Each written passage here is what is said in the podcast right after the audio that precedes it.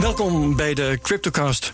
Uh, nummer 120 staat hier, maar is het niet al 101? Nee, het is 120. 120 het is 120, ja, het tellen blijft een moeilijk onderwerp. Oké, okay, um, mijn naam is Herbert Blankestein. Hoi Madelon. Hoi Herbert. Dat is Madelon. En hallo Bart Mol. Hey Herbert. Van Satoshi Radio. Yes. Hartelijk welkom. Um, wij geven geen beleggingsadvies. We zijn op YouTube. Behalve op bnr.nl en in de BNR-app en al die andere podcastplatforms. Um, en eh, ik stel voor dat we gewoon meteen doorstomen naar de prijsanalyse. Volgens mij zit Bitcoin nog steeds in het niemandsland tussen 9 en 10.000. Ja, we zitten nog steeds in die eh, ontzettend saaie range. En er is tot nu toe nou, niks interessants gebeurd. Ik, had, ik kreeg gisteren ineens een berichtje van iemand die zei: Oh, help, wat gebeurt er nou met eh, de koers? Is er wat met Bitcoin aan de hand? Nee, er is niks met Bitcoin aan de hand. De koers ging iets omlaag, maar we hangen ja, nu. 9000 aangeraakt, geloof ik zelfs. Ja, klopt. 8895 maar liefst. Dus de koers ging wel een tikje omlaag. Maar dat is nog steeds een hogere bodem ten opzichte van 25 mei en 9 mei. Dus dat is positief. Ook worden de toppen steeds een stukje hoger. Nu de afgelopen paar dagen niet. Maar overal op het grote plaatje eh, gezien wel. En we zitten dus nog steeds in dat soort. Ja, in, in zo'n driehoekspatroon, om het zomaar, uh, te zeggen. En die grote groene driehoek, daar kijken kijken we natuurlijk al, eh, al weken naar. En daar zitten we nog steeds middenin. Dus er is echt niks, eh, niks spannends gebeurd. Behalve dat de koers een klein beetje omlaag viel. En dat was ook wel te verwachten. Want we hadden natuurlijk. eh, vorige week was dat, denk ik, Herbert. Dat we bespraken dat er een klein driehoekje zat. op de, op de vier uur grafiek. Nou, daar zijn we ietsje uitgebroken. En dat resulteerde in dat kleine, kleine bewegingje. Ja, maar dat was ook binnen de marges die jij had aangegeven, als ik me niet vergis. Zeker. Bart, hoe kijk jij naar dit soort koers? Interesseert het je eigenlijk Ja, überhaupt? niet wilde ik zeggen. Niet? Nee, heel weinig. Nee, nee ja, ik, ik, ehm, ik luister het aan. Ik Ja. hoor het aan en ehm, ja, ik, ja, ik kan er weinig mee voor De de, waan van de dag. Ja, een, be- een beetje wel. En ehm, ja, wat moet ik erover zeggen, Herbert? Ik weet het niet. Ik zit er Nee, nou al een aantal, aantal jaar in en... en ik heb al een paar keer gezien dat, dat we opeens bijna naar nul crashen. Of in ieder geval naar 3000 laatste. En toen gingen de stekkers eruit bij, bij de exchanges. Anders waren we nog wel verder gegaan. Denk ja, ja, dan kunnen we de, drie, de geo-driehoeken er tegenaan leggen. Maar ehm, er zijn zulke, zulke extreme... eh, ja, het is nog zo'n kleine markt, zeg maar. En er kunnen nog zulke Ja. dingen fout gaan. Er zijn zulke kinderziektes bijna nog. Dat, dat ja... eh, ja, dan kan je het wel proberen te plotten. Maar als er zo'n zo'n event gebeurt, dan, dan ben je ook weer nergens. Maar goed, ik vind het wel interessant. En ik geloof zeker er wel in dat er vooral ook psychologische levels zijn. Die 10.000, weet je wel, dat zegt wel wat. Of als we een keer weer over de 20.000 zouden gaan, dat er dan weer heel veel mensen enthousiast naar je toe komen. En vragen waar je bitcoin kan kopen. Dat geloof ik ook wel. Maar het is niet mijn ding. Eh, Nee. Dus eh, Jij Nee. denkt vooral dat, dat, dat de emotie en de psychologie achter die beweging... dat dat veel meer eh, zegt dan daadwerkelijk een, een koersdoel of iets dergelijks. Als ik Ja, nou ja, ik, ik weet niet of het, of het meer zegt, want daarvoor heb ik gewoon die, die kennis van technische analyse niet. Maar ik denk dat dat er wel is, inderdaad. Die psychologische eh, dingen bij, bij mensen, dat ze zien van, ah, we zijn nu echt over die 10.000 heen. Nu, nu gooi ik mijn geld er wel weer in. Of, of we gaan er niet doorheen, dus ik wacht nog even. Wat Dat- natuurlijk dat heel stom dingen. is als je het van plan bent en je gaat het dan pas doen eh, als er een bepaalde grens overschreden wordt. Dan zou je juist moeten zeggen: we zijn nog onder de 10.000, ik gooi mijn geld erin. Ja, maar mensen zijn nou helemaal Ja, een beetje dat is hoe stom. mensen eh, zijn. Herbert. Weet ik ook wel, maar ik wil het toch even gezegd. Ja. Overigens, Ja. wel grappig. Want een paar weken geleden, toen eh, eh, had ik in een onbewaakt ogenblik... had ik op Twitter, toen, toen was de koers 5% geduikeld of zo... en dan had ik dat in een onbewaakt ogenblik een crash genoemd. En toen werd ik nog straal uitgelachen door allerlei mensen... die ik ook wel een beetje ken op Twitter. Eh, Die zeiden van, ja, als je niet tegen een, eh, een fluctuatie van 10% kunt... wat doe je hier dan? Ja, ja. Of woorden van die strekking. Nou ja, zo is het Terecht wel. Natuurlijk. ja, zo is Ja. het wel een beetje. Althans, jij, jij zei ook net al, Bart, ik, ik zit hier nu zo lang in. Je, je maakt zulke koersbewegingen mee, dan is 5 à 10 procent helemaal niks. Nee, maar goed.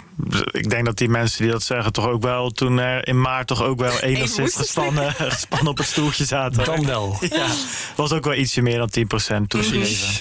Ja. Nou goed, ehm, dat was het, Madelon. Jazeker, we Ja, zitten nog in die driehoek en eh, we Precies. wachten af. Eh, wat was ook weer de, het moment dat die driehoek tot een puntje knijpt? Ehm, even kijken, dat duurt nog wel echt, echt, echt heel lang. Dan zitten we als die, die echt Ergens mega in half juli, driehoek. geloof ik, hè?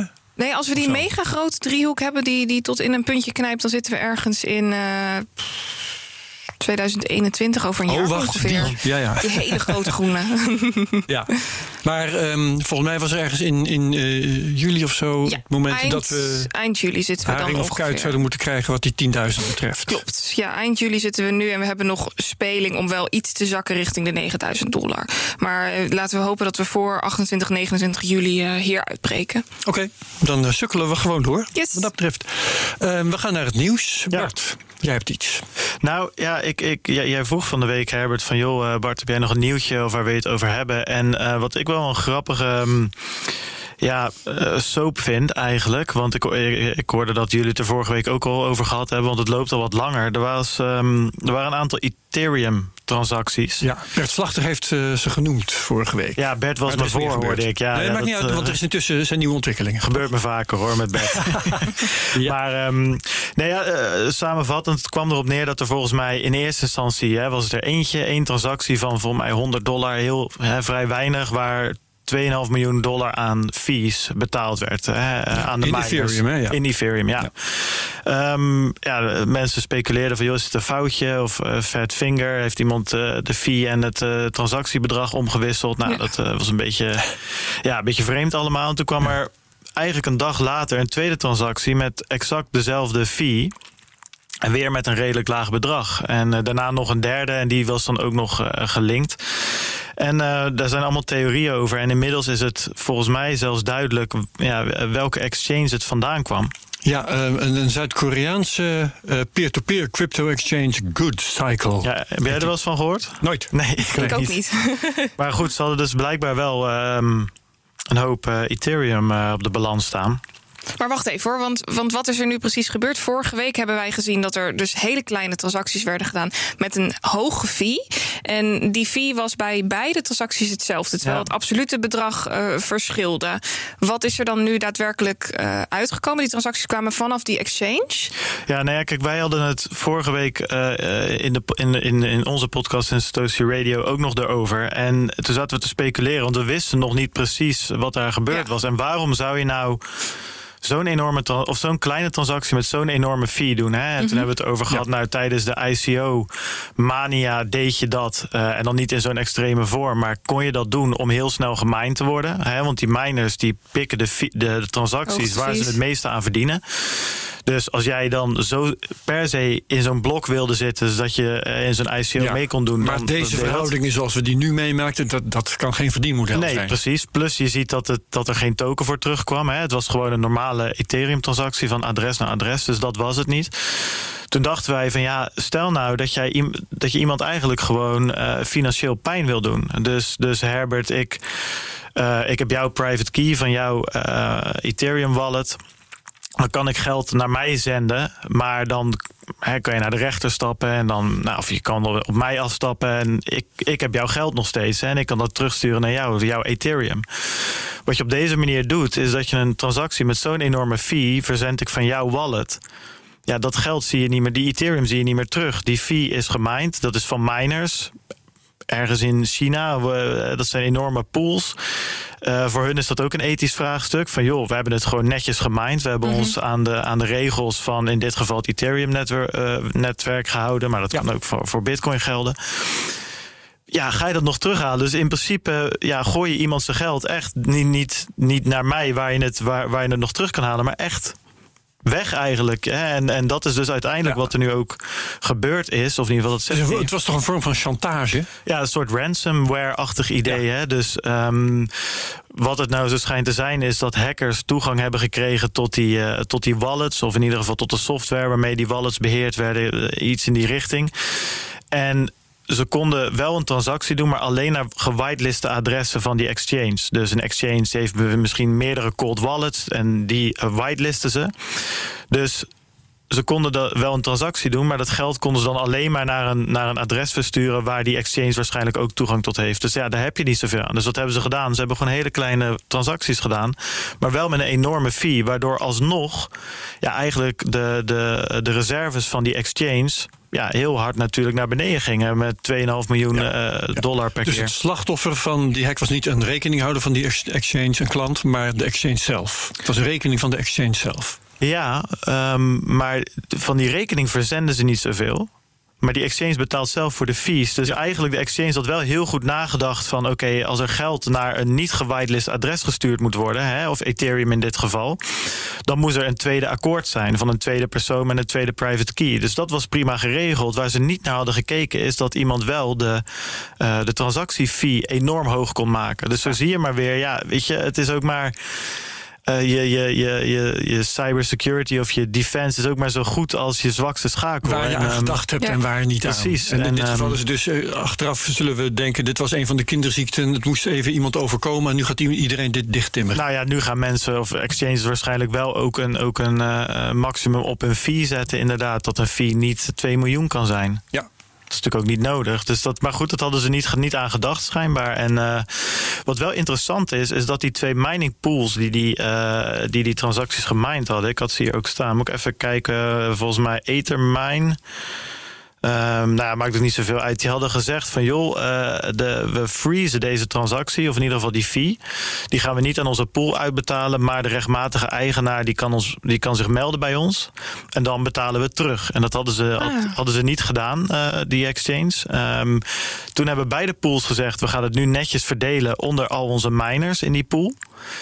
En nu is die uh, die exchange toch teruggekomen en heeft gezegd van wij zijn het. Dus het is nu een beetje onduidelijk wat die Ah. pools gaan doen. En dat vind ik ook Ja, wel een ja, interessante vraag om aan jullie te stellen. Van wat moet zo'n wat moet zo'n mining pool nou doen? Ja, het Moeten is ze een, het terugbetalen? Moeten ze het freezen? Moeten ze het uitbetalen aan de miners? het is een soort vergissing van de bank in uw voordeel. Hè? En uh, net, net hoe... Ze, ze hoeven het natuurlijk niet te doen. Het lijkt mij uh, the right thing om het wel te doen. Ja, en, en, ook kijkend naar de gevolgen voor zo'n exchange. Ja. Op het moment dat uh, je zegt dat je deze fee wel wil houden, uh, kan dat behoorlijk nadelige gevolgen hebben voor een exchange en de gebruikers van je de gaat exchange. misschien over de kop. Want Bart zegt, ja, het, het, heeft heel lang geduurd voordat ze hiermee naar buiten kwamen. Aan de ene kant denk je, hé, waarom zeggen ze het niet gelijk? Maar aan de andere kant, het is heel logisch, want ze zijn kwetsbaar op dat moment. En dan kan het dus gebeuren dat iedereen denkt, ik moet mijn, mijn coins daar en mijn tokens daar weghalen. Um, dus vanuit dat perspectief begrijp ik het volledig dat ze er wat later mee gekomen zijn. Ik zou ook zeggen, het is het beste ding om het geld gewoon terug te storten en die exchange mooi dat gat te laten dichten. Om ervoor te zorgen dat niet iedereen strakjes ja. Uh, ja, hun, hun, hun coins en tokens daar weghaalt. En het is, uh, nou ja, wij zeiden al tegen elkaar, uh, Bart, had jij ervan gehoord? Nou, nee, dus, dus, dus het is niet bepaald Binance, weet je wel. Nee. Het is waarschijnlijk een vrij klein bedrijf. Ik denk dat dat bedrag waar het om gaat voor hun een hele hoop geld is. Ja. Maar stel nou dat zo'n uh, dat zo'n mining pool zegt van wij houden het wel zelf. Ik bedoel, Ja, volgens, mij, volgens mij mag dat gewoon. Het is niet strafbaar, het is gewoon een foutje.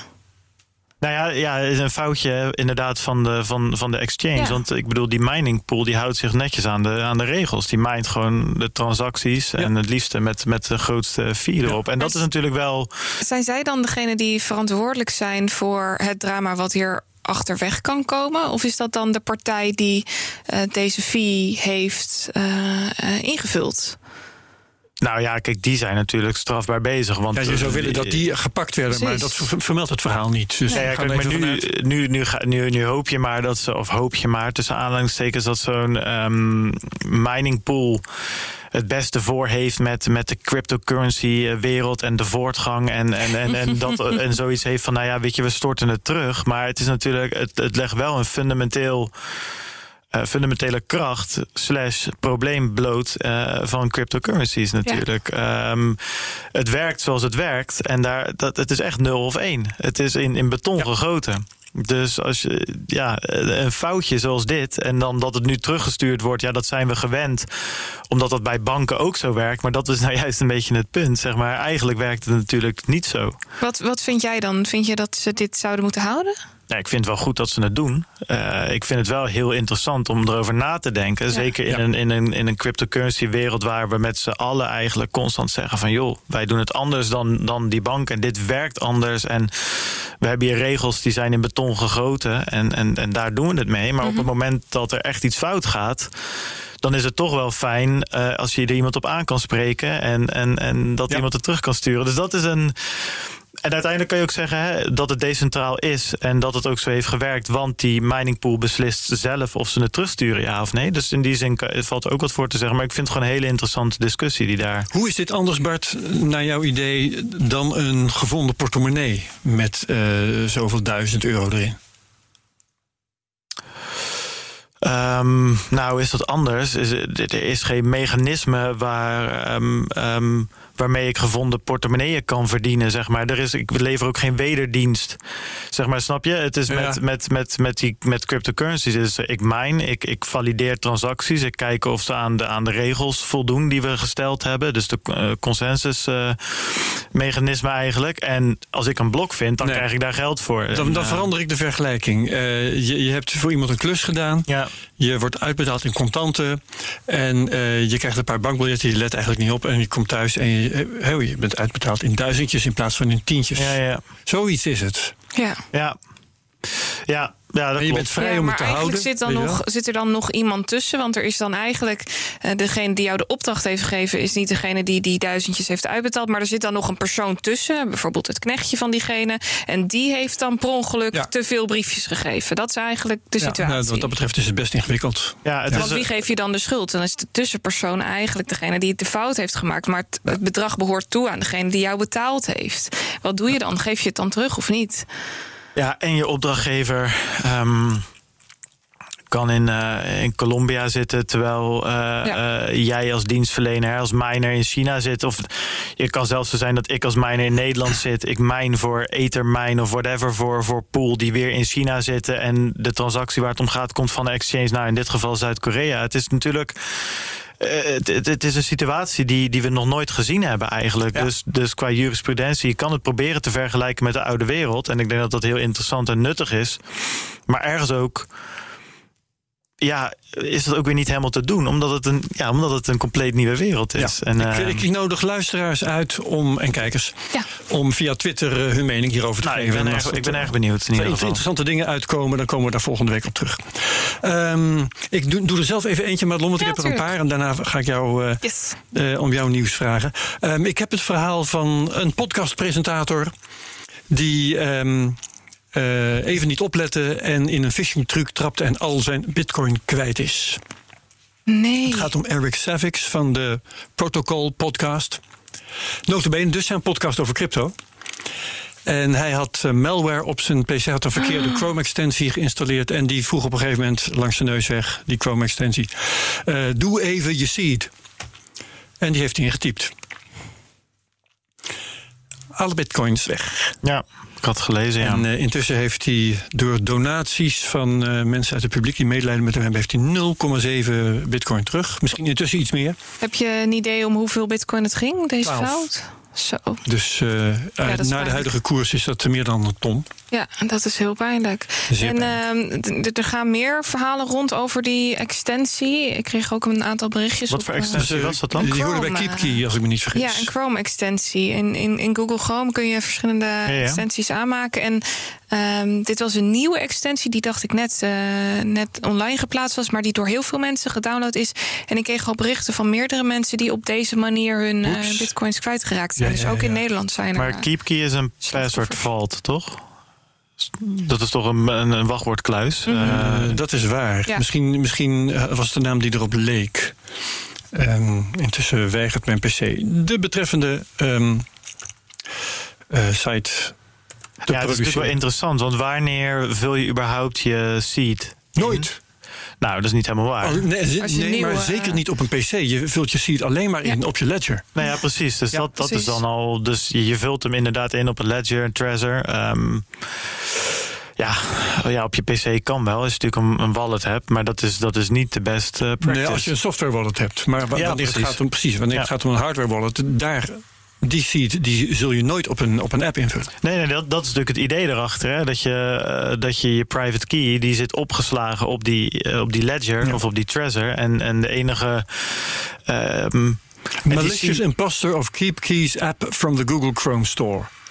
Dat is waar het om gaat. Oké, okay, dus ze hebben de Keep Key app nagemaakt. Ja. Um, ja, nou ja, is balen. Maar goed, Ja. ik zal, ja, de, voor de luisteraar dan. Uh, een password vault zal niet vragen om jouw seed. En als hij dat Nee. wel doet, dan uh, moet je heel goed nadenken waarom je die software gebruikt. Of dat het misschien wel nep software is. Ja. Ja, Ja. precies. Nou goed. Maar er gingen ook uh, uh, geruchten, of in ieder geval de vraag werd wel gesteld: hoe kan het nou, ja, kijk, dat is altijd een beetje, het kan altijd gebeuren, schijnbaar. Maar hoe kan het nou zo zijn dat je zo diep in de materie zit? Want die podcast maakt hij ook al jaren volgens Ja. mij. Ja. En hij, zal, hij zei dat hij sinds 2013 eh, in, in Bitcoin zat. Hoe, hoe kan, je het, Hoe kun je hoe, kan het gebeuren? Ja, weet je, eh, iedereen trapt wel ergens in. Ik heb eh, voor BNR Digitaal heb ik met allerlei figuren uit de security-wereld contact. En die verzekeren mij, vroeg of laat klik je op die plek waar je niet had moeten klikken. Ja. Hoe bewust je ook bent. En het is me ook inderdaad wel eens overkomen. Tot nu toe zonder al te erge gevolgen. Eh, en dan eh, neem ik snel maatregelen. Maar eh, dat, komt, ja, dat komt inderdaad voor. Dan is er toch een, een mailtje of iets dergelijks. waarbij je denkt van. oh, toch eens even verder kijken. En denk je, oh shit, dat was misschien niet zo'n geweldig goed idee. Ja. Blij dat het toch weer goed afloopt. Ja, kijk, als het nou zo was dat hij geklikt had en dat ze zijn computer, weet ik veel, binnen konden komen en zelf helemaal die key hadden opgespeurd. Ja, maar zelf intypen. Maar dit is, ja, erg. eh, eh, zie, het is vier- 24 woorden. Ja, ik bedoel, deze, veel tijd om precies. na te denken. Ja, nou, dat zou je toch zeggen. Je moet het heel goed kijken, van doe ik het allemaal wel goed? Ja, precies. Ja. Dus, ehm, Had hij er maar een foutje gemaakt? ja, en dat vond ik ook een interessante. Die eh, transactie waarmee dus zijn wallet leeggetrokken is, die, eh, die had dus in tegenstelling tot die Ethereum-transacties waar we het net over hadden, juist een hele lage fee. Zelfs eentje waarmee het uren duurde voordat die überhaupt, überhaupt gemined werd. Dus als je echt doorhebt dat, dat het foute boel is, dan had hij dus nog de kans om een nieuwe transactie te maken. Met een hogere fee. veel Ja. hogere fee, zodat die eerder Ja, gemined ja, werd. ja, Dus ja, ja. nou, de, eh, het is natuurlijk een beetje Bitcoin-wereld eigen dat er vaak alweer eh, complottheorieën bij verzonnen worden. Maar dat werd hier ook wel toch wel genoemd van, ja, weet je, ehm, aan de hand, ja. Makkelijk verdient die 0,7. Om het eventjes. eh, het, het is niet mijn mening, maar het, ja, dat werd ook wel weer genoemd. Ja, ja, ja. ja. Nou goed. Oké, voor wat het waard is. Ehm Madelon, jouw beurt. Oh, nu gaat mijn computer even lastig doen. Oh, anders heb ik nog een, hoor. Hier, ik heb hem voor me. Eh, ik kwam van de week een eh, artikel tegen op Bloomberg. En ik heb hem eigenlijk, ik denk wel vijf eh, dagen op mijn, op mijn computer gehad. In, in de Safari-browser. En eigenlijk wilde ik er gewoon niet naar kijken. De titel die was nou ja, behoorlijk vreemd. En ik vond vanochtend een, een artikel op Bitcoin Magazine... waarin ze dit artikel van Bloomberg eventjes grondig analyseren. En dat was eigenlijk wel nodig. Want volgens Bloomberg is Bitcoin er niet in geslaagd... om te profiteren van de perfect storm die de coronacrisis veroorzaakt heeft. Zij zijn van mening dat, de titel digitaal, dat ze de titel digitaal goud niet waargemaakt heeft. En wat er eigenlijk wordt, eh, wordt gesteld zijn meerdere redenen. Ik kwam er zeven tegen. In dit stuk zijn er zes. Maar ehm, daarin wordt, wordt, wordt uitgelegd waarom eh, de grootste cryptomunt Bitcoin dus haar status, waarvan wij altijd hebben gezegd, ja, omdat eh, eh, Bitcoin is, is, zou goed moeten fungeren tijdens een, een crisis. Nou, hier wordt dus gezegd waarom dat niet het geval is. En eigenlijk vind ik dit een pijnlijk lastig stuk om, eh, om te lezen. Deze meneer die dit heeft geschreven, eh, Joe Weisenthal, redacteur van Bloomberg, die zegt onder andere het volgende. Ondanks de forse koersschommelingen op financiële markten is Bitcoin niet opzienbarend gestegen. Dat zegt hij als eerste. En daarna zegt hij: de algemene trend is het, waar, is het maken van lower highs, oftewel lagere koersstoppen. En dat neemt het argument weg dat de economische crisis een boost is voor Bitcoin. Ik vind dit een, een heel frappant stuk. Ik weet niet wat jullie mening hierover is. Ik kan nog even de punten opnoemen. Hier staan er dus zes. Ondanks de volatiliteit staat Bitcoin niet op recordhoogte. De prijs van een Bitcoin ging precies dezelfde richting op als de SP 500. Dat zou ook een reden zijn waarom nou ja, Bitcoin eh, het niet zou doen. Ehm, het presteert niet per se beter dan bijvoorbeeld Ether. De impact van de halving is niet zichtbaar. De inflatie is minder dan verwacht. Ehm, en via Robinhood krijgt juist de aandelenmarkt veel aandacht vanuit het nieuwe publiek. Ik, uh, er is hier en daar wel wat op af te dingen. Maar um, even de feiten. Hè. Waar stond Bitcoin toen de coronacrisis begon? Even kijken, die pak ik daar even bij. Toen stonden rond de 10.000 dollar. Uh, dit was rond 17 februari. Ja. 6 maart stonden we op 9000. Ja, dan, nou, ja, we staan we iets hoger. Naar aandelenmaatstaven ja. nog op een leuke winst. Maar goed, volatiliteit in aanmerking genomen is het inderdaad niet significant meer. Nee. Ook niet significant minder. Maar kunnen we um, überhaupt al zeggen dat die, dat die perfect storm. Kunnen we daar nu al een conclusie aan ja, maar, dat is nee. toch, maar dat is het toch inderdaad. Kijk, coronacrisis, uh, als in medische crisis en, en whatever. Ja, die, die is wel uh, heftig losgebarsten. Ja, maar die economische crisis. Die moet nog komen. Precies, dat, is toch, dat, dat is er toch nog niet. Dat, dat, dat loopt toch gewoon wat achter. Weet je, mensen moeten wel eerst een baan kwijtraken... voordat de hypotheek uh, niet meer betaald kan worden. Weet je? Dus en dat de huizenprijzen omlaag gaan... en dat de banken daar weer last van krijgen. En dan pas de pensioenfondsen. Dat, dat, dit duurt heel lang. Precies, dus ik ben wel... Ja, ik ben, dus ik ben eh, ik vind het een beetje, uh, ja, een beetje frontrunning, dit artikel van... joh, oké, nou, we hebben net een, maand of twee die coronacrisis gehad. Uh, laat ik maar meteen een artikel over bitcoin schrijven... waarom het niet werkt, wanneer het had moeten werken. Daarnaast inderdaad denk ik dat er nog wat andere dingen... af te dingen zijn op wat hij zegt. Ja, ik vind het al, ja, ook, ook, dit, ook dit doet me eigenlijk niet, zo, niet zoveel. Dan denk ik van, ja, oké, dan heb je weer iemand die daar een stuk over schrijft... wat, wat niet positief is, ja. Mm ja, en, en wat is het voor iemand die dit schrijft? Is dat uh, iemand uit uh, nou ja, een hoogleraar economie of zoiets, van wie je dat zou verwachten? Ik ga hem ondertussen eventjes door de Google-machine halen. Dat er altijd af, hè, als het...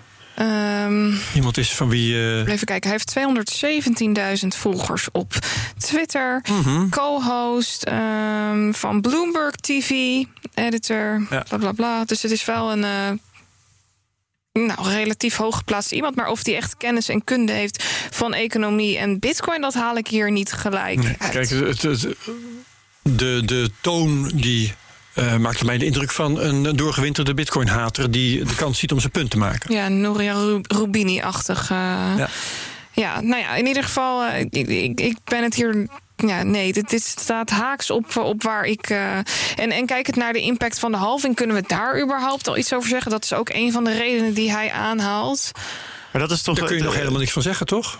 Nee, maar dat is toch het hele Als je beetje... kijkt naar de vorige halving, dan was het in dit stadium ook nog helemaal niet zo. Uh, ik vind op zich de, uh, het artikel zelf wel interessant als hij het over het pakken mee twee jaar had geschreven. Mhm. hè? Ja. Als we die hele, nou, die, die voorspelde recessie die eraan gaat komen, die erger dan, dan ooit zou moeten zijn. Nou, oké. Laten we dan over twee jaar kijken. En als Bitcoin er dan nog is, dan kan je er wat over zeggen. Of als het er niet is, kan je er ook wat over zeggen. Maar, maar nu, ja, vind ik een beetje, uh, een beetje, een beetje te simpel. Prematuur. Ja. Prematuur. Oké. Okay. Um, dat noemen we ruis, heb ik van de broeders uh, slachten geleerd. Die hebben we vaker gehoord. ja, precies. Heel goed. Um, Simon Lelyveld, u weet wel, uh, die uh, um, maakte ons erop attent via zijn Twitterfeed dat de kosten van het toezicht op de AMLD5-wetgeving bekend zijn. Uh, om te beginnen 29.850 euro per partij voor het jaar 2020.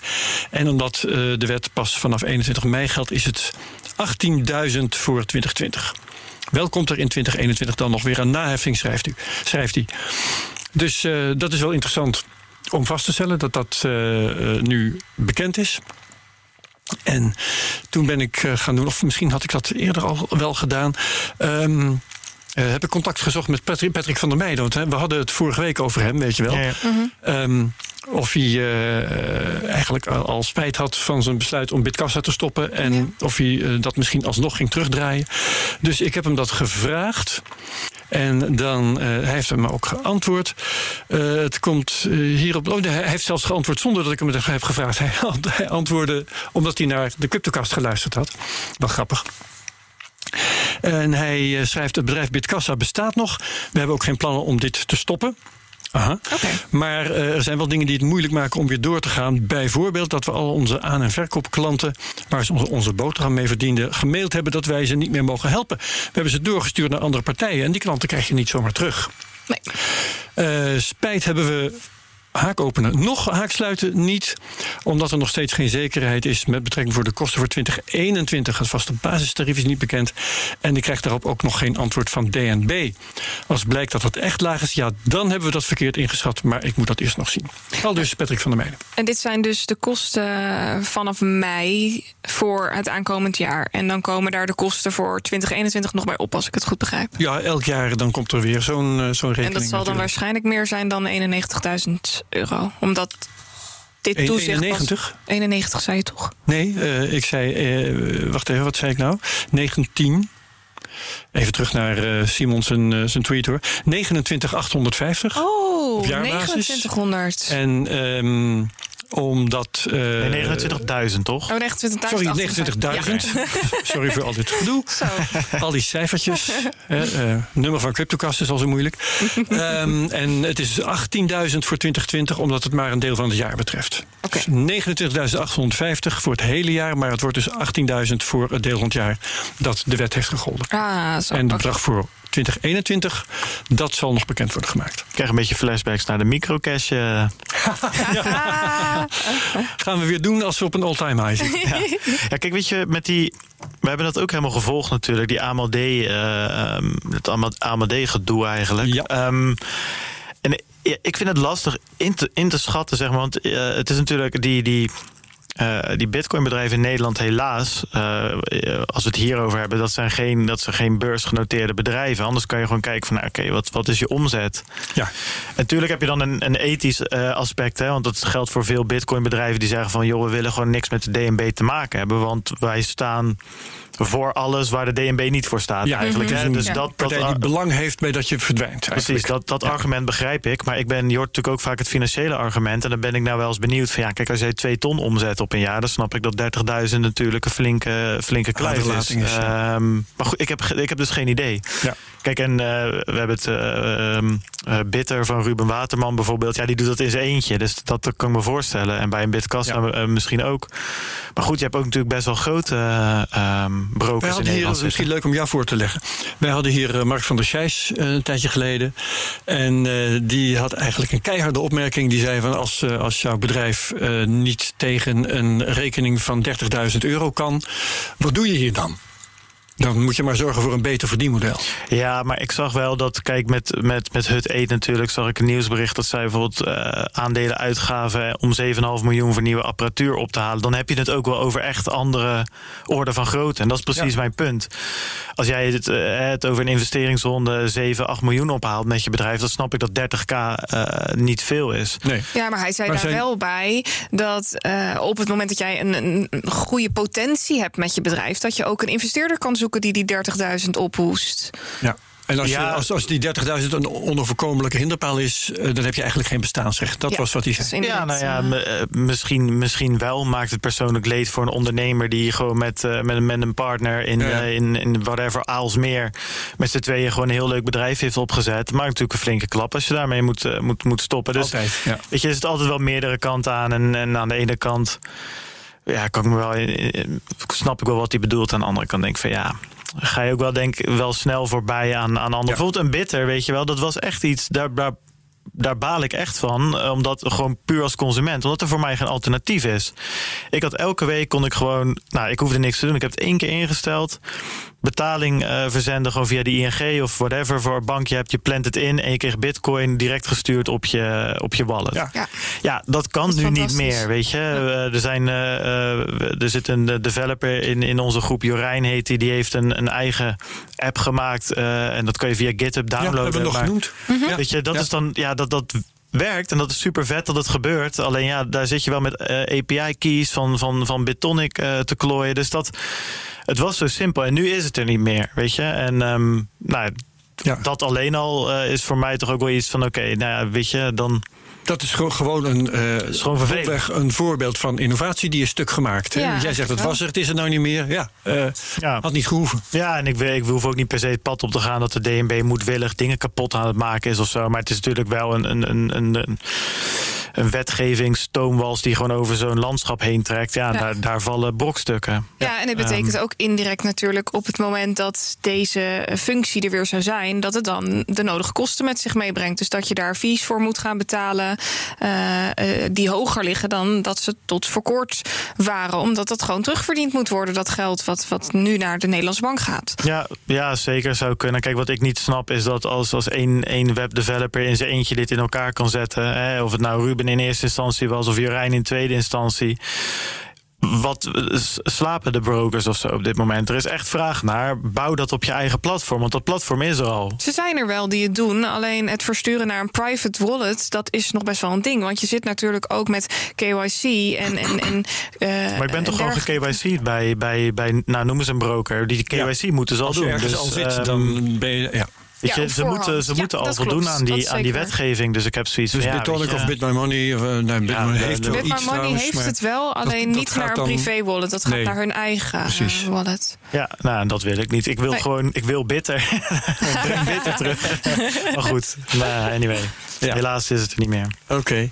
Nou goed, we hebben nog een hele hoop andere onderwerpen die eh, leuk zijn om jou voor te leggen. Eh, een van de dingen die jij vertelde toen we je uitnodigden was... je was aan het experimenteren geweest met Lightning Network. Vertel daar eens over. Wat, eh, wat ben je aan het doen geweest? Ehm, nou, we hebben een, eh, een, een donatieknop op de website gemaakt. Ehm, dus als je naar www.satoshiradio.nl gaat, dan staat er een grote knop. En het ziet er allemaal nog niet zo mooi uit. Ik moet daar nog een beetje aan werken. Want dat eh vergde toch wel veel van mijn... Ja, ik heb ooit wel eens in HTML nog een website gemaakt. Maar dit, eh, dit ging iets verder niet je dan core dat. business. Nou ja, kijk, weet je, ik kan wel een WordPress-websiteje maken. Maar dit, dit nou, was moeilijk te integreren. Maar anyway, het werkt. En ehm, Wel ontzettend leuk om een nieuwe skill te beoefenen op deze manier. Oh, zeker, zeker, zeker. Ehm, maar met, met, met die donaties, het, het, het idee is dus dat wij nu donaties van luisteraars kunnen ontvangen zonder dat daar iemand tussen zit. Dus er Ja. zit geen ehm, wallet. ja, nou ja, we gebruiken BTCP-server. Dat is natuurlijk wel open source software, maar die draaien we wel op onze eigen Raspberry Pi. Dus we hebben onze eigen eh, ja, BTCP-server letterlijk. En ehm, nou ja, we kunnen daar, daar onze eigen Lightning ehm, betalingen ontvangen. Dus er zit geen PayPal tussen, er zit geen Patreon tussen die er nog wat van afsnoept of kan zeggen van joh, je maakt of YouTube, je maakt cryptocurrency content, dus we gooien je van het platform af. Dat kan gewoon niet. Het is onze website en onze eigen server. Dus dat is wel heel tof. Ehm, en het was voor mij ook vooral de bedoeling om even te leren van... joh, hoe werkt dat Lightning-netwerk nou en, en wat zijn de voor- en nadelen? Ik zag er ook een vraag over terugkomen trouwens. Misschien is het nog wel leuk om die er meteen bij te noemen. Die van Duc van Baarle? Ja, die heeft het over het Lightning-netwerk en het Liquid, eh, de sidechain. Nou, ik denk dat dat ook. Hij vraagt wat is het verschil nou tussen die twee. Hè? En ik denk dat, dat om dat even al- allereerst te beantwoorden. Kijk, wat hij, wat hij zelf ook al zegt: Liquid is een sidechain. En Lightning, dat, dat zijn payment channels die wij met elkaar hebben. Dus dat is geen losse blockchain naast de Bitcoin-blockchain. En het Li- Liquid-netwerk is ook heel erg gericht op grote exchanges om, om hele grote ja, transacties mogelijk te maken. En veel sneller te maken vooral. Dus als Binance, weet ik veel, eh 100, eh 100.000 bitcoins moet versturen naar Coinbase, whatever, dan kan dat heel snel op die manier.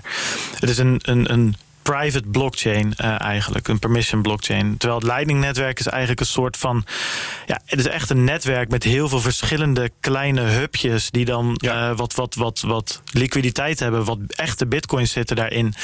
En daar kunnen betalingen tussen eh, ja, tussendoor gaan. Dus dat kan, als ik het naar jou stuur, Herbert, kan dat via vier verschillende hubs gaan als dat de snelste weg is.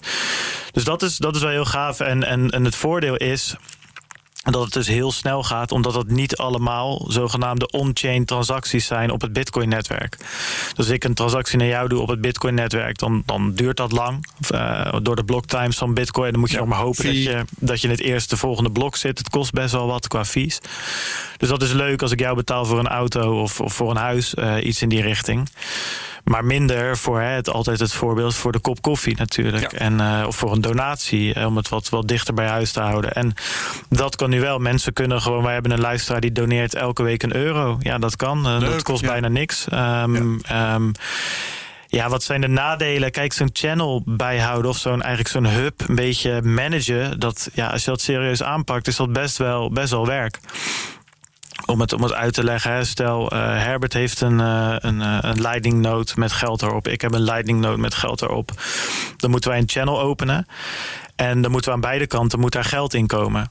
Ehm, dus stel, ik zet 10 euro aan mijn kant en jij zet 0 euro aan jouw kant. Ik praat even in euro's, hè. we hebben natuurlijk over bitcoins voor Ja. de duidelijkheid. Maar we zetten één bitcoin aan mijn kant en één bitcoin, Whatever. of 0 bitcoins aan jouw kant. Dat betekent dat ik wel naar jou kan sturen, Maar andersom niet. maar andersom niet. Stel dat ik eerst, hè, ik zet één bitcoin aan mijn kant, Herbert heeft er nul. Ik stuur een halve bitcoin naar hem, dan kan Herbert daarna een halve bitcoin terugsturen. Hè, dus dat, dat, en op een gegeven moment als we zeggen, oké, we zijn er nu klaar mee, dan eh, kijken we wat de balans is en dat hou je dan over. En dat is wel een echte eh, Bitcoin-transactie op het Bitcoin-netwerk.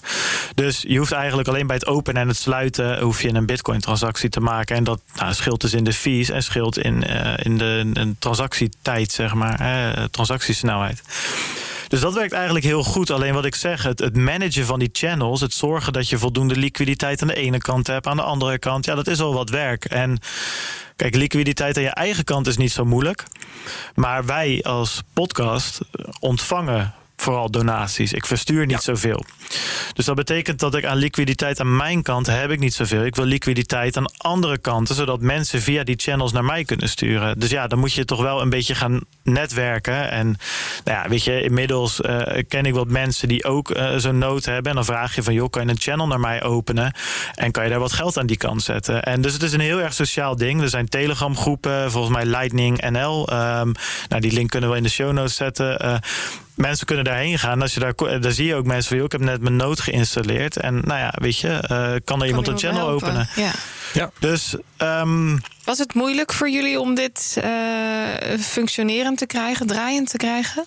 Nou, je kan het terugzien, want ik heb er uh, verschillende YouTube-video's uh, van gemaakt. Die mm -hmm. staan op het uh, Satoshi Radio-kanaal. En het was op zich wel leuk hoor. Dan kan je, mensen die ook een noot maken en dan met die, met die filmpjes erbij dat als een soort van eigen huis en tuin een beetje in elkaar zitten te klussen. maar om op je vraag terug te komen, is het moeilijk? Ja, nou ja. Nee, maar er gaan, er gaan altijd dingen fout. Ik heb wel, ja. uh, wel mijn, mijn, hand, mijn haren uit, uh, uit mijn hoofd getrokken toen ik dat aan het doen was. Op zich, de noot installeren is heel makkelijk. Dat hebben we met MyNote gedaan. En dat is eigenlijk gewoon een soort van ja, pakketje. En dat installeer je dan op je, op je Raspberry Pi. En dan gaat eigenlijk alles wel vanzelf. Um, waar ik vastliep is dat ik die donatieknop op de website wilde. En ja, toen moest ik uh, uh, ja, het allemaal poorten openzetten en dingen doorlussen via ja, mijn ja, website ja, provider. Wel heel leuk om te doen. Daar, dat hebben we ook uitgelegd hoe dat zit. Um, maar in principe zijn nood werkend krijgen is niet zo heel moeilijk. Okay. Zeker met die MyNote software. Het probleem met MyNote is weer is dat ze zoveel in één keer probeerden te doen. Ja, dat het uh, een beetje piept en kraakt uh, her en der. Want er staat, er staat van alles op. Je kan coin joins doen en uh, volgens mij Samurai Wallet staan erop. En een Block Explorers. Je hebt van alles. Maar ze hebben zoveel gedaan. Het is één developer die dat maakt. Maar het is typisch zoiets. Dat herken ik wel. jij noemt het, het, het, klooien met HTML in het verleden. Ja, ja in de tijd dat dat nog nieuw was en nog niet iedereen dat deed en nodig had, was dat moeilijk. En moest je ontzettend eh, pielen met HTML zelf. En waar zet ik dat dan neer? Hoe zorg ik dat het een, eh, een toegankelijke website wordt enzovoort? Ja, en dat heb je nu ook weer. Eh, over vijf jaar, dan is dat misschien een kwestie van een ja. druk op de knop. Ja. Dan bieden allerlei bedrijven dat gewoon aan. Nou ja, kijk, in, in principe, wat er, dit is de eerste keer dat, dat, dat je echt redelijk makkelijk dus die MyNote software kan downloaden. Dat zet je op een SD-kaart. Dat is al makkelijk geworden, bedoel je? Ja, ja, ja, ja als je het vergelijkt ja. met, met, met, met, met, met, met, hoe het was, is dit het is gewoon een grafische interface. Je tikt het in je browser in, je gaat erin, je hebt allemaal knoppen, een Lightning Wallet, je Bitcoin node, je Lightning node, uh, BTCP server, je hebt een losse VPN die je kan instellen. Dus het is best wel nou, het, het, het, begint ergens op te lijken. Alleen ja, omdat het door één iemand gemaakt wordt, denk ik soms een beetje van joh, je neemt hem iets te, iets te veel hooi op je vork. Ja. Ook BTCP-server is echt een mooi initiatief, wat eigenlijk gestart is juist tegen de grote bedrijven die uh, uh, payment um, oplossingen aanboden voor um, um, uh, op Bitcoin. Volgens mij vooral op BitPay. Uh, hebben ze gereageerd van nee, wij gaan het open source maken. En het is, het is echt wel heel, um, heel cool. En het werkt eigenlijk best wel, best wel goed. Heeft soms wat kuren. Je moet soms twee keer klikken en dan uh, twee keer een invoice aanmaken. Maar ja, je kan een berichtje erbij tikken. En het is best wel een leuke manier om, om interactie te hebben. Um, um, met je kijkers en luisteraars. Moet ik wel zeggen dat als je dit echt voor een, een webshop zou uh, gebruiken, dan zou, ja, ja, dan zou ik het vind ik het lastig. Daar vind ik het nog net iets te vaak niet voor werken. Maar ik denk overigens dat het meer aan mijzelf ligt dan aan BTCP hoor. Ik denk als je daar een wat, wat, wat ja. uh, professionelere Want zou het veel, veel verschil maken wanneer het geen donatie is, maar een transactie? Dat is natuurlijk wel een iets ander ding.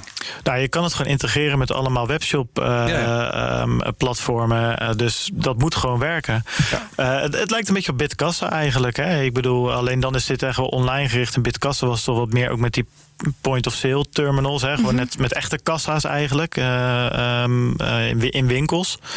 Maar zo moet je het wel een beetje zien. En um, ja.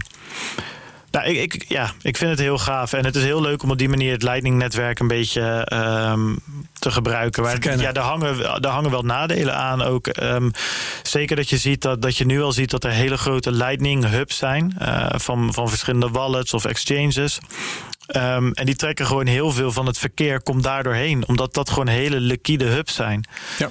Dus ehm, daar, daar kan altijd een transactie doorheen. Dus ja, dat, dat, je zou bijna kunnen zeggen dat het begint weer een beetje op een bank te lijken. Nee, maar dat is wel een beetje hoe het, hoe, hoe het is. En je hebt problemen met, met, met notes die altijd online moeten zijn. En als er eentje, even heel zwart-wit gezegd, als er eentje offline kan, gaat, dan kan de ander daar gebruik van maken. En dan wordt er weer gekeken van, nou, zogenaamde watchtowers die er dan ingesteld kunnen worden. Wat eigenlijk weer iemand is die alles een beetje in de gaten houdt. Wat ook weer wel goed is, maar ook weer centralisatie.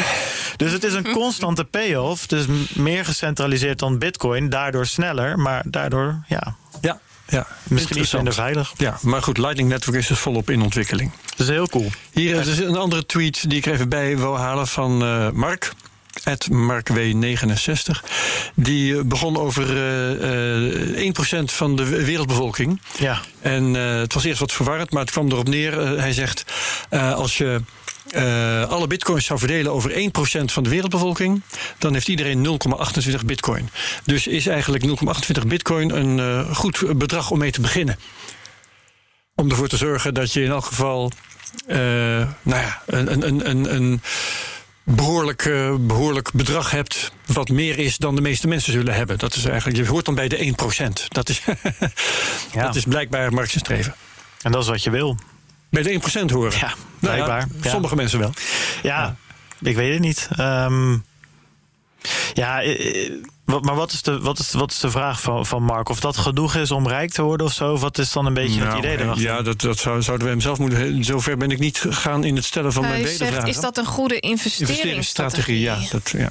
ja, ik weet niet of het een goede investeringsstrategie is om... Ja, om proberen meer te hebben dan, dan andere mensen. Nee. Een beetje ik, ik, ik moest denken aan, aan een andere 1%-regel... Uh, die we hier wel eens verkondigen. Dat uh, als je um, uh, goed aan spreiding wil doen... en een beetje recht wil doen aan het risico dat bitcoin vertegenwoordigt... dan moet je denken aan ongeveer 1% van, van je vermogen. Dat je in bitcoin zou kunnen stoppen. Ja. Dat is misschien een verstandige manier om die 1% in te zetten. Ja, het Even zonder dat we beleggingsadvies geven natuurlijk. Ja, kijk, het is een beetje hoe ik het zie... bitcoin en cryptocurrencies in het algemeen misschien nogal meer. Um, of andere cryptocurrencies. Het is natuurlijk een, een asymmetrische investering die je doet. Hè? Ik bedoel, stel, stel je koopt nu één bitcoin. Nou ja, wat kan ik verliezen? Nou, 9000 euro, dollar, iets in die richting. Ja. Ja, wat valt er te winnen? Ja, uh, who knows? Uh, the sky is the limit. Mm -hmm. ja. Dus, dus de, de, de upsides zijn enorm. En, en als jij 9000 euro kan verliezen, is de downside, ja, valt wel mee, zeg maar. Hè? Ja. Um, dus, dus wat dat betreft, zo kijk ik er liever naar. Uh, dat ik zoiets heb van, nou ja, weet je, ik heb, je, hebt, je hebt wat spaargeld. je hebt een, een contract bij je werk voor onbepaalde tijd. Of je onderneemt en je hebt een leuke buffer. je hebt vaste klanten, whatever. Dus je hebt je downside downside. He, je ondergrens, die heb je een soort van gemanaged van... oké, okay, nou ja, weet je, ook al verlies ik die 10.000 euro in bitcoin... dan alsnog heb ik een hele trits aan... aan, aan, aan, aan ja, heb ik me, het maakt mijn leven niet kapot, zeg maar. Mm. Dus het is wel ja. belangrijk om eerst dat voor elkaar te hebben. Maar goed, ja, dan denk ik dat het wel goed is om daarna te kijken van... oké, okay, wat zijn investeringen die enorm kunnen uitbetalen... en, en niet zo'n hele grote downside hebben. Maar goed, dat het vanzelfsprekend is dat je niet al je geld daarin stopt... dat lijkt me duidelijk. Of in ieder geval, dat zou ik niet doen. Um, ja. Dus ja, kijk, weet je... Ja, voor de rest... Ja. Wat is bitcoin voor jou eigenlijk? Ik, ik hoor dat, dat prijs jou eigenlijk uh, heel weinig uitmaakt. Of althans, dat maak ik op uit jouw verhaal. Hoe, hoe zie jij Althans, op korte termijn. Dat ja. maak ik eruit op. Nou ja, kijk, weet je wat het is? Uh, weet je, als je die, die, die bullrun in 2017 hebt meegemaakt... dan op een gegeven moment, ja, weet je... je kan heel veel geld verdienen en je kan het allemaal weer verliezen in een, ja. in een half jaar. En... Um, weet je, dan ga je op een gegeven moment wel nadenken van... oké, okay, uh, daar kan je wel bij de pakken neerzitten. En, maar dan merk je op een gegeven moment... ja, geld is ook maar geld, weet je. Als het mm -hmm. op een gegeven moment komt... ja, dan kan je opeens spulletjes kopen en dan is het weg... en dan kan je geen spulletjes kopen, weet je. En dan merk je toch... Dan het merk is het middel en niet het doel. Geld even tot zijn essentie teruggebracht. Nou, dan, ja. dan merk je wel van, joh, maar wat, wat vind ik nou wel belangrijk? En dat is eigenlijk, nou weet je, dat ik, dat ik de tijd heb om, om, om die podcast te maken. Of dat ik de tijd heb om een beetje te kunnen ondernemen. Of met mijn eigen dingen, creativiteit bezig te zijn. Of dat je... Uh, weet ik veel, ja, heel cliché dat je, dat je ouders en broer en zussen gezond zijn, dat je een fijne relatie hebt. Dat zijn weet je, het was echt wel heel leuk om opeens gewoon de mediamarkt in te lopen en met een, met een uh, OLED-TV weg te lopen waar je normaal een jaar voor moet sparen. maar goed, ja, nu merk je drie jaar later, ja, is er weer een nieuwe OLED en weer een nieuwe. En die kan je dan niet zo makkelijk kopen. En heb je zoiets van, ja, nou ja, het, het doet voor de rest ook weinig. Dus, dan, dus waar, waar ik uh, wat, wat ik ook wat prijs voor mij zou kunnen doen, is dat ik zou kunnen zeggen van nou ja, oké, ik, ik ga nog een dag minder werken hè, voor de mm -hmm. baas, om het zo maar te zeggen. En ik ga nog een extra podcast maken. Of ik ga uh, me meer op YouTube video's richten. Of ik kan een avondje livestreamen of whatever. Weet je, dus dat je echt kan doen wat je leuk vindt. En ja. de fixatie op geld en, en, en, en Lambo's en dat soort dingen het doet zo weinig als je de rest van je leven niet op orde hebt, zeg maar. Dus Precies. Dus dat is een beetje hoe, hoe, ik er nu in sta. En Bitcoin um, voor jou, is dat dan een, een, een hak zetten tegen het, het huidige systeem? Of zie je het meer als, als middel met een hele grote potentie, waardoor jij strakjes kan doen wat je wil en, ja. en waar je zin in hebt? Nou, ik geloof niet zo heel erg in een hak zetten in het systeem, want ik ben zelf zit het systeem. Ja, ik ben, ik ben het systeem. Zeg maar, weet je. Nee, maar ik je ben zit midden in het systeem. Nou, ben, ik, Bijvoorbeeld die, die Taihutu die we laatst te gast hadden, die doet gewoon een dikke vinger en die zegt: Amahula, ik ga volledig uh, op Bitcoin. Ja, dat, dat is zo. En, en Didi is een top, uh, topgozer wat dat betreft. En ik heb heel veel respect voor, voor de keuze die hij gemaakt mm -hmm. heeft.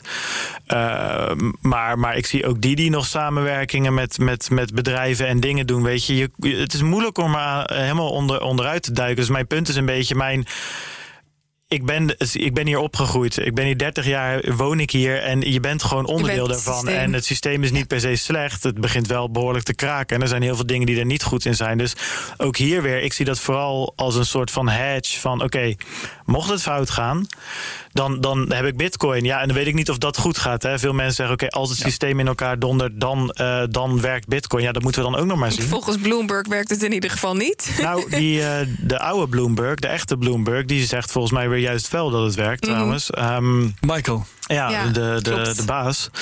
Um, dus ja, goed, het is voor mij een, een, een, een hedge, omdat, omdat Bitcoin bepaalde eigenschappen heeft die ik gewoon nog steeds niet terugzie in het normale systeem. En, mm -hmm. en, en of dat uiteindelijk de eigenschappen zijn die ervoor zorgen dat. Um, ja, uh, dat, dat, dat het een soort van reserve currency, whatever, wordt store of value, en uh, digitale goud, whatever. Dat weet ik niet. Maar ik zie wel uh, de balance sheet van de Fed, om een voorbeeld te geven, die, die zo ongeveer verdubbeld is in de coronacrisis. Ik zie wel noodpakketten van 750 miljard en alsnog. Uh, een enorme werkloosheid uh, ja. in, in, die voorspeld wordt. Ik zie alsnog de grootste recessie die voorspeld wordt. Dus dan heb ik zoiets van ja, dat ik weet ook niet zeker of dat systeem gaat werken, zeg maar. Dus ja, het is, het is voor mij, het is voor mij een, een hedge. En ik vind het gewoon ja, een super interessant experiment. Omdat er zoveel aspecten zijn waar je over kan filosoferen, kan discussiëren, die nog nooit vertoond zijn. Dus dat, dat is het voor mij. En um, ja, kijk. Weet je, ik vind ook, ik vind bijvoorbeeld een leuke discussie, weet je, die iedereen zegt wel van ja, het is een, het is een hele iedereen kan eraan meedoen. En, en het is een hele eerlijke vorm van, um, van, van wealth distribution, zoals het dan genoemd wordt. Vind je dat ook echt? Nou, dat, dat is mijn vraag inderdaad. Van, is dat ja, zo? Ja, dat is zeker een goede vraag. Want er, he, dus een ander punt dat ik nog had genoteerd uh, toen ik begon te associëren over 1%. De feitelijke 1% op dit moment van Bitcoin, dat zijn de whales. En dat zijn mensen die door. Uh, dat nou, is al meer dan 1%, denk ik. Ja, dat, ja, weet je hoeveel dat procent, vanaf hoeveel procent het, het is van, van bitcoin? Ik heb echt geen idee. Oké. Okay. Hm. Nou ja, ik, ik ben het met je eens. Dus je hebt al whales die gewoon extreem veel bitcoin hebben. Ja, um, door toeval. Hè. Ze waren net toevallig op... ook soms natuurlijk inzicht. Maar ze waren net toevallig op het juiste moment op de juiste plek. Ja, het argument is dan vaak dat had jij kunnen zijn, Herbert. Ja. Um, wat waar is uh, op zich. Um, maar de gemiddelde persoon in Afrika had daar niet kunnen zijn, want had geen internet nee. uh, en noem het maar op, om een voorbeeld te geven. Daarnaast. Um, je ziet natuurlijk dat veel, dat de 1% op dit moment, dat zijn ook vaak families of uh, die, die rijkdom zit al, uh, al jaren, uh, tientallen jaren, misschien honderden jaren in zo'n familie. Nou, honderden gaat wat ver, maar dat gaat wel generaties terug, zeg maar. Um, en dus maar de vraag van als we over bit, Bitcoin over 30 jaar uh, dan zit die bitcoin waarschijnlijk nog steeds bij die mensen. In, dus de, Voor een deel in elk geval wel. Ja. Precies, en dan zijn de mensen die dan uh, jong zijn, 18 zijn en zoiets hebben van waar kan ik in investeren, die hebben nooit de kans gehad om, uh, om, nee. om, om, bij de inceptie van bitcoin te maar zijn. Ja, dus ja, tijdperk heeft natuurlijk zijn eigen kansen. Dat is, dat is zeker waar. Dat is zeker ik, uh, was er nog een discussie daarover. Het zal wel weer op Twitter zijn geweest. Um, maar het, het, ging, het ging over, over bitcoin als speculatieobject. iemand zei tegen mij, ja, bitcoin is toch alleen maar speculatie. En toen uh, heb ik terug, teruggeschreven, nou ja, maar uh, aandelen Apple of Microsoft in de, in de jaren 70 of 80, was dat dan speculatie of was het gewoon inzicht van de mensen die dat op dat moment kochten? Mm -hmm. Het is voor een, deel, ja. voor een deel, zeg ik, want je moet er maar net zijn op dat moment, maar voor een deel is het ook gewoon inzicht. Ja, en het eigen is, verdiensten, het dat is je ervoor kiest. Ja, het is altijd speculatie. Um, kijk, ja, weet je, aandelen Apple koop je niet voor zeggenschap in het bedrijf. Althans, de gemiddelde investeerder niet. Nee. Hè? En, en dus ja, dan koop je dat uh, om, om meer geld uh, te verdienen of een rendement te halen. Mm -hmm. en, en dat is bij Bitcoin denk ik ook zo. Nou kan je dat hele verhaal wat ik net uh, vertelde, ja, dat, dat, dat kan ook een, een reden zijn om, om te investeren in Bitcoin. Maar ik denk als mensen weten dat het gaat falen, ja, dan. dan dan investeer je er niet in, nee, toch? Dus dat. Nee. Um... nee. Maar Madelon, je, um, heb jij cijfers over wat is eigenlijk de definitie van een whale in de eerste plaats? En of hoeveel procent van de Bitcoin-bezitters heeft hoeveel procent van het Bitcoin-vermogen? Zijn er eigenlijk leuke cijfers over? Dat bekend? laatste heb ik niet kunnen vinden, maar ik kwam wel terecht op een artikel van Lekker Cryptisch. Kijk. En hier staat dat er 1900 whales zijn. En onder whales wordt verstaan dat dit uh, personen of entiteiten zijn met meer dan 1000 bitcoin. Okay. Dus alleen vanaf 1000. Dus dat, dat gaat dan over dat die 1900 whales in totaal in ieder geval minstens 2 miljoen bitcoin bezitten. Maar misschien wel weer, want het kan ook zijn dat ze 10.000 ja, of dus als je in uh, 20.000 2011, 2011 10.000 uh, euro in bitcoin had gestoken, dan ben je nu een whale. Ja, ja precies. Dat is eigenlijk waar het op neerkomt. Maar naar verwachting zullen er ontzettend veel uh, whales zijn. Net als hoe het geld nog wel veel. hier Ja, ja, ja, uh, verdeeld is bij ons. Maar dat is dan, de, met zo'n bedrag heb je eigenlijk de, de macht om nou, in de markt iets te doen. Als je ja. dat loslaat op een of andere exchange, dan gebeuren er dingen. Ja, maar ik denk ook dat het, dat het te maken heeft met de hoeveelheid geld die dat vertegenwoordigt natuurlijk. Ja, ja, ja, En, en ja, de, de, de, een kleine minderheid zal een nou, grote hoeveelheid bitcoin op dit moment. hebben. Ja, dan kom je in de buurt van de 10 miljoen. Ja, ja. ja dat is fors. Leuke bedragen. Hm. Oké. Okay. Um, eens even kijken. Weet je trouwens, leuk? Ja. Nou, dat, uh, weet je trouwens, als we dan over nog 1% hebben, misschien de ja. laatste quizvraag. Weet je wanneer uh, er nog maar 1% te minen is? Dus wanneer er 99% van de bitcoins gemined is? Uh, dat heb ik nooit uitgerekend. Dat valt natuurlijk heel makkelijk uit te rekenen, want het is gewoon een exponentieel proces. Ja. Um, heb jij dat paraat? Nou, niet Precies, dat zit namelijk tussen de reward era's uh, 6 en 7. dus dat zal ergens rond 2030 zijn. Oh, dat is al heel snel. Ja. Dan, ja. dan zitten we dus op 99% van alle bitcoins ja. zijn in omloop. Ja.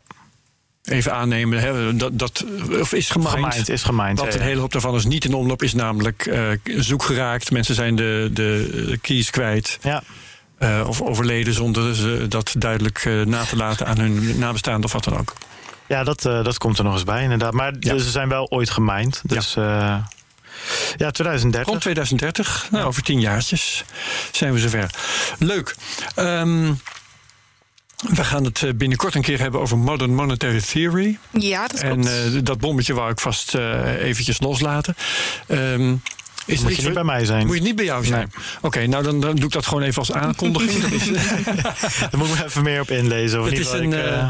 moderne theorie die vooral wordt aangehangen door ik zal maar, wat, wat uh, de liberal Amerikaanse politieke richting. En daar zijn dus uh, economieprofessoren bij, maar ook bijvoorbeeld congresleden. Ja, ja. En die gaan ervan uit dat uh, een overheid eigenlijk onbeperkt de gelegenheid heeft om geld bij te drukken, ongestraft.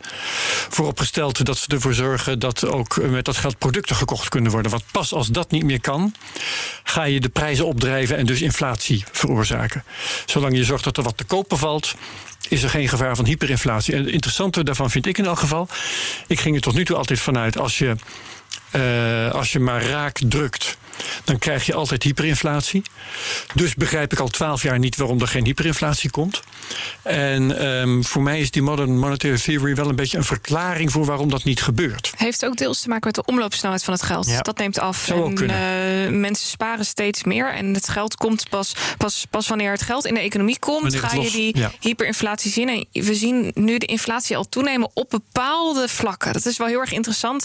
De prijzen in de supermarkt die stegen afgelopen maand. Uh, als we bijvoorbeeld vlees pakken, 9% ten opzichte van diezelfde maand een jaar oh, geleden. Wow, leuk. En dat is echt leuk, fors. Dus um, ja, en de, de, maand daarvoor stegen de prijzen ook al. Dus je ziet het op sommige vlakken. Terwijl op andere vlakken, bijvoorbeeld tweedehands automarkt, dat stort helemaal ineen.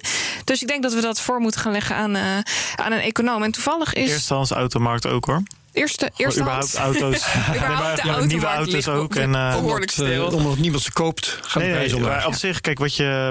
Um, Kijk, het, het, ding is dat er natuurlijk wel geld bijgedrukt wordt, om het zo maar even uh, populair te noemen. Maar dat, daar, daar worden dan, ja, weet ik veel, obligaties of uh, schuldpapier of aandelen van. Dat wordt niet ja. direct aan de mensen gegeven. Dat nee. zag je eigenlijk pas voor het eerst in, in Amerika laatst en in Hongkong daarvoor. De, in de coronacrisis, dat er echt het helikoptergeld was. Hè, dus ja. dat je die stimulus check hebt. Ja.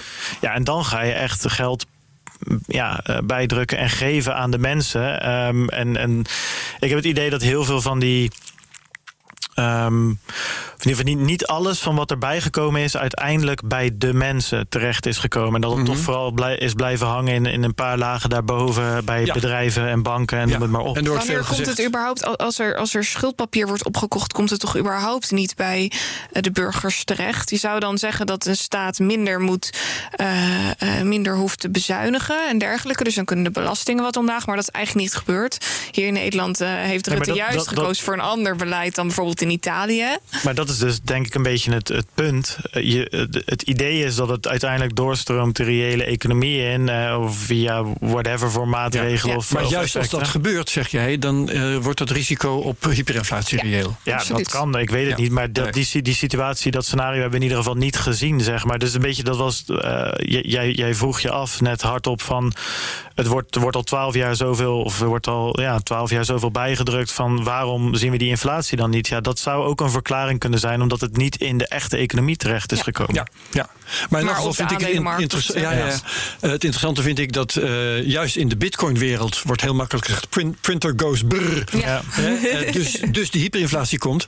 En die modern monetary theory is aan de ene kant net zo uitdagend voor de traditionele economen ja. als Bitcoin. Mm -hmm. Maar het spreekt elkaar wel tegen. Heel erg tegen. Dat is heel grappig. Dus we moeten het daar binnenkort in maar de podcast over Ja, ik vind het wat ik het lastig aan. Kijk, zeg maar, ik hoor economen vaak praten over economie alsof het een soort van natuurkunde is. Uh, met mm -hmm. natuurwetten. Ja. En denk van ja, kijk, met zwaartekracht, om een voorbeeld te geven. Kijk, als ik van een dak afspring, dan kan ik gewoon exact uitrekenen wanneer ik de grond raak. En mm -hmm. dat er dan ook een grote kans is dat ik het niet overleef, hè, hoe hoger ja. het gebouw is. En er wordt met dezelfde stelligheid vaak over economie gepraat. Terwijl ik wel denk van ja, het is wel, het is een systeem wat we zelf bedacht hebben elk stukje van het. Als, als morgen door het coronavirus de mensheid uh, eraan is, is de economie ook verdwenen daarmee. Het is, het is niks. Het bestaat alleen. Het is een experiment. En dat is wat de president van de Nederlandse Bank, Klaas Knot, ook zegt. We, we, we doen dit maar totdat we iets beters hebben. Ja, precies. We, en we verzinnen het zelf. Ja. Dus ik heb wel zoiets van: als er iets gebeurt waardoor de hele wereld aan flarden gaat. Dan verzinnen we toch weer iets waardoor dat niet gebeurt. Dat, mm -hmm. En dat is veel te simplistisch waarschijnlijk. Maar we gaan toch niet met z'n allen soort van terug naar de, naar, naar de middeleeuwen. Om, omdat, omdat we uh, met z'n allen te veel schulden hebben opgebouwd. Dan krijg je toch iets dat op een gegeven moment nullen worden weggestreept. Of andere. Waar, waarom zou je de hele samenleving die we hebben opgebouwd kapot laten gaan door, uh, door, door die economie? Dus ja, en, en nou ja, daar spelen grotere machten uh, natuurlijk. Die komen daarbij kijken. De, de macht van Amerika, een stukje politiek zit daarin. Uh, de vermogenden hangen daarmee samen. bedrijven, dat, dat, dat is veel groter dan de burgers, zeg maar, de onderlaag van de samenleving. Nee, dat, dat geloof ik ook wel. Ik denk ook wel dat de burgers, kijk, in de economie of in de crisis van 2008 zijn de burgers ook natuurlijk helemaal kapot gegaan aan die crisis. Ik zeg niet dat er op individueel niveau uh, geen mensen heel erg veel last van zo'n crisis mm -hmm. kunnen hebben. Ja. ik zie gewoon niet in waarvoor zo'n systeem zou klappen als we zelf de regels kunnen maken. Zeg maar, als ik zelf natuur, de natuurkundige regels zou kunnen maken, dan zou ik die ook aanpassen als ik net van een gebouw ben Nou, gevallen. Ja, maar dat is wel. eh, eh, Je moet het een beetje voor je zien alsof je een, een, een, een, eh, nou, een natuurkundeproef hebt eh, op de middelbare school. En je moet een toren bouwen. En die toren die maak je van, eh, van rietjes aan elkaar. En Ja. dat doe je met kauwgom ertussen. En op een gegeven moment vangt die toren zoveel wind. Hoe hoger je hem bouwt, hoe instabieler die wordt. En je kan dan wel stokjes aan de onderkant erbij proberen te poetsen. Maar dat, dat, dat die fundamenten van dat bouwwerk, die staan gewoon niet goed. En dan kun je van alles proberen. Maar op de een of andere manier gaat dat fout, linksom of rechtsom. En eh, Ja, en dat is precies wat ik me afvraag. Omdat je met zo'n toren heb je gewoon met natuurwetten te maken die Ja. je had kunnen be- berekenen. Waar Ja. je, re- je kan een toren bouwen die dat wel, die wel blijft staan. Tuurlijk. En bij de economie, ja, we hebben dat nu gebouwd. Maar de, de, dus er is geen zwaartekracht, er is geen Nee. wind, er is niks. Dus het werkt niet. Maar jij stelt het voor, Bart, alsof we met z'n allen eh, de koppen bij elkaar steken en dan eh, keuzes gaan maken voor dat systeem die het beste zijn voor ons allemaal. Maar zo werkt het natuurlijk niet. nee, niet voor Zoals ons het- allemaal. Zoals Nee, het nee, nu in elkaar zit, zijn er eh, mensen die hebben meer macht dan anderen. Ja. Door de wetten die. Nou, ja, dat, voor een Ja. deel zijn het natuurlijk wel degelijk natuurwetten, die, die wet, wet van vraag en aanbod, ik noem maar wat. En er zijn mensen die hebben macht en die sturen de zaken in de richting die voor hun het beste is. En dat is soms niet eh, de eh, richting die het beste is voor ons allemaal samen. Maar dat trek ik ook niet in. Dat, dat ben ik met je eens. Maar en je ziet dat Amerika daaraan kapot gaat, bijvoorbeeld. Ja, maar ja, de Amerikaan ja, maar niet de 1% in Amerika. Nee, precies. Eh, dus, dat is het dus. En waarom zou die 1% zo'n systeem laten klappen? Dat is mijn fundamentele vraag. Weet je? Dus dan op een gegeven moment, als je ziet van dit werkt niet meer, als we, Ja. als we, als we nu niks doen met z'n allen, als we nu geen schulden gaan wegstrepen of een, weer een andere vreemde interventie Ja. doen met, met een hele dure naam, dan stopt het. Waarvoor zou je dat dan? Waarvoor dan moet je hun gepercipieerde eigenbelang moet, moet ze in die richting duwen. En Ja, nou ja, ik kijk. vooralsnog ik- ja. doen ze dat niet. Ja, kijk, je ziet het toch, weet je, precies waarom. Dat zou gewoon een, een uitleg kunnen zijn, precies op de vraag die jij stelt: waarvoor gaat dit al twaalf jaar zo door? Waarvoor gaat het al? Waarvoor zijn we niet geklapt? En je hoort telkens van: dit kan niet zo doorgaan. En dan heb je mensen, je kan niet de, de money printer aanzetten en je kan dit niet opkomen en je kan geen helikoptergeld geven en we doen het gewoon en het blijft gaan. Dus ja, weet je, het, het, het, het kan niet zeggen op basis van een soort van, van, van ja, stelselmatigheid of een wetmatigheid die er zou moeten zijn. Ja, blijkbaar Ja. is die er dan toch niet zo erg. Jij zei dat ik met het onderwerp bij jou aan het verkeerde adres was, maar dat valt wel mee. Ja, dit is, dit is, dit nee, is meer mijn, mijn, mijn eigen money theory. Dus er zal van alles aan. er, zal, Mols Money Theory. er zal van alles aan schorten hoor. BMMT. Ehm, dus het zal echt. Maar dat is het gevoel wat ik heb. Als je een systeem zelf ontwikkelt waar geen natuurwetten zijn, dan kan je zelf de regels maken. Dat is eigenlijk mijn Ja, punt zeker. samengevat. Ja. Ja. Ik wil jullie nog even een tip, of de luisteraars nog even een tip meegeven. Er staat eh, een ontzettend toffe docu. Ja, tof. Het is een leuke docu op YouTube. Als je YouTube Bitcoin Documentary intypt. En eh, hij is nu vijf dagen staat hij live en is al 130.000 keer bekeken. Eh, gaat over de oorsprong van geld. En Andreas Antonopoulos komt erin voor. eh, over Bitcoin. Het gaat heel ver terug in de tijd. Dus dat is een dikke aanrader. Laten we die in de show notes zetten. Ja, dat gaan we doen. Oké, dan wou ik daarmee afsluiten. Dankjewel, Bart Mol Ja, van Satoshi. Radio. Thanks. Ja, probeer die podcast ook eens een keertje. Ehm, volgende week hebben we Thomas Bollen. Klopt dat? Ja, dat klopt, want we van gaan het- Follow the Money. Klopt, we gaan het hebben over de crisis, over geld, over Europa, over het opkoopbeleid van de Europese Centrale Bank. En natuurlijk ook voor een deel over een bitcoin, hoe dat, eh, hoe dat zich ontwikkelt de komende periode.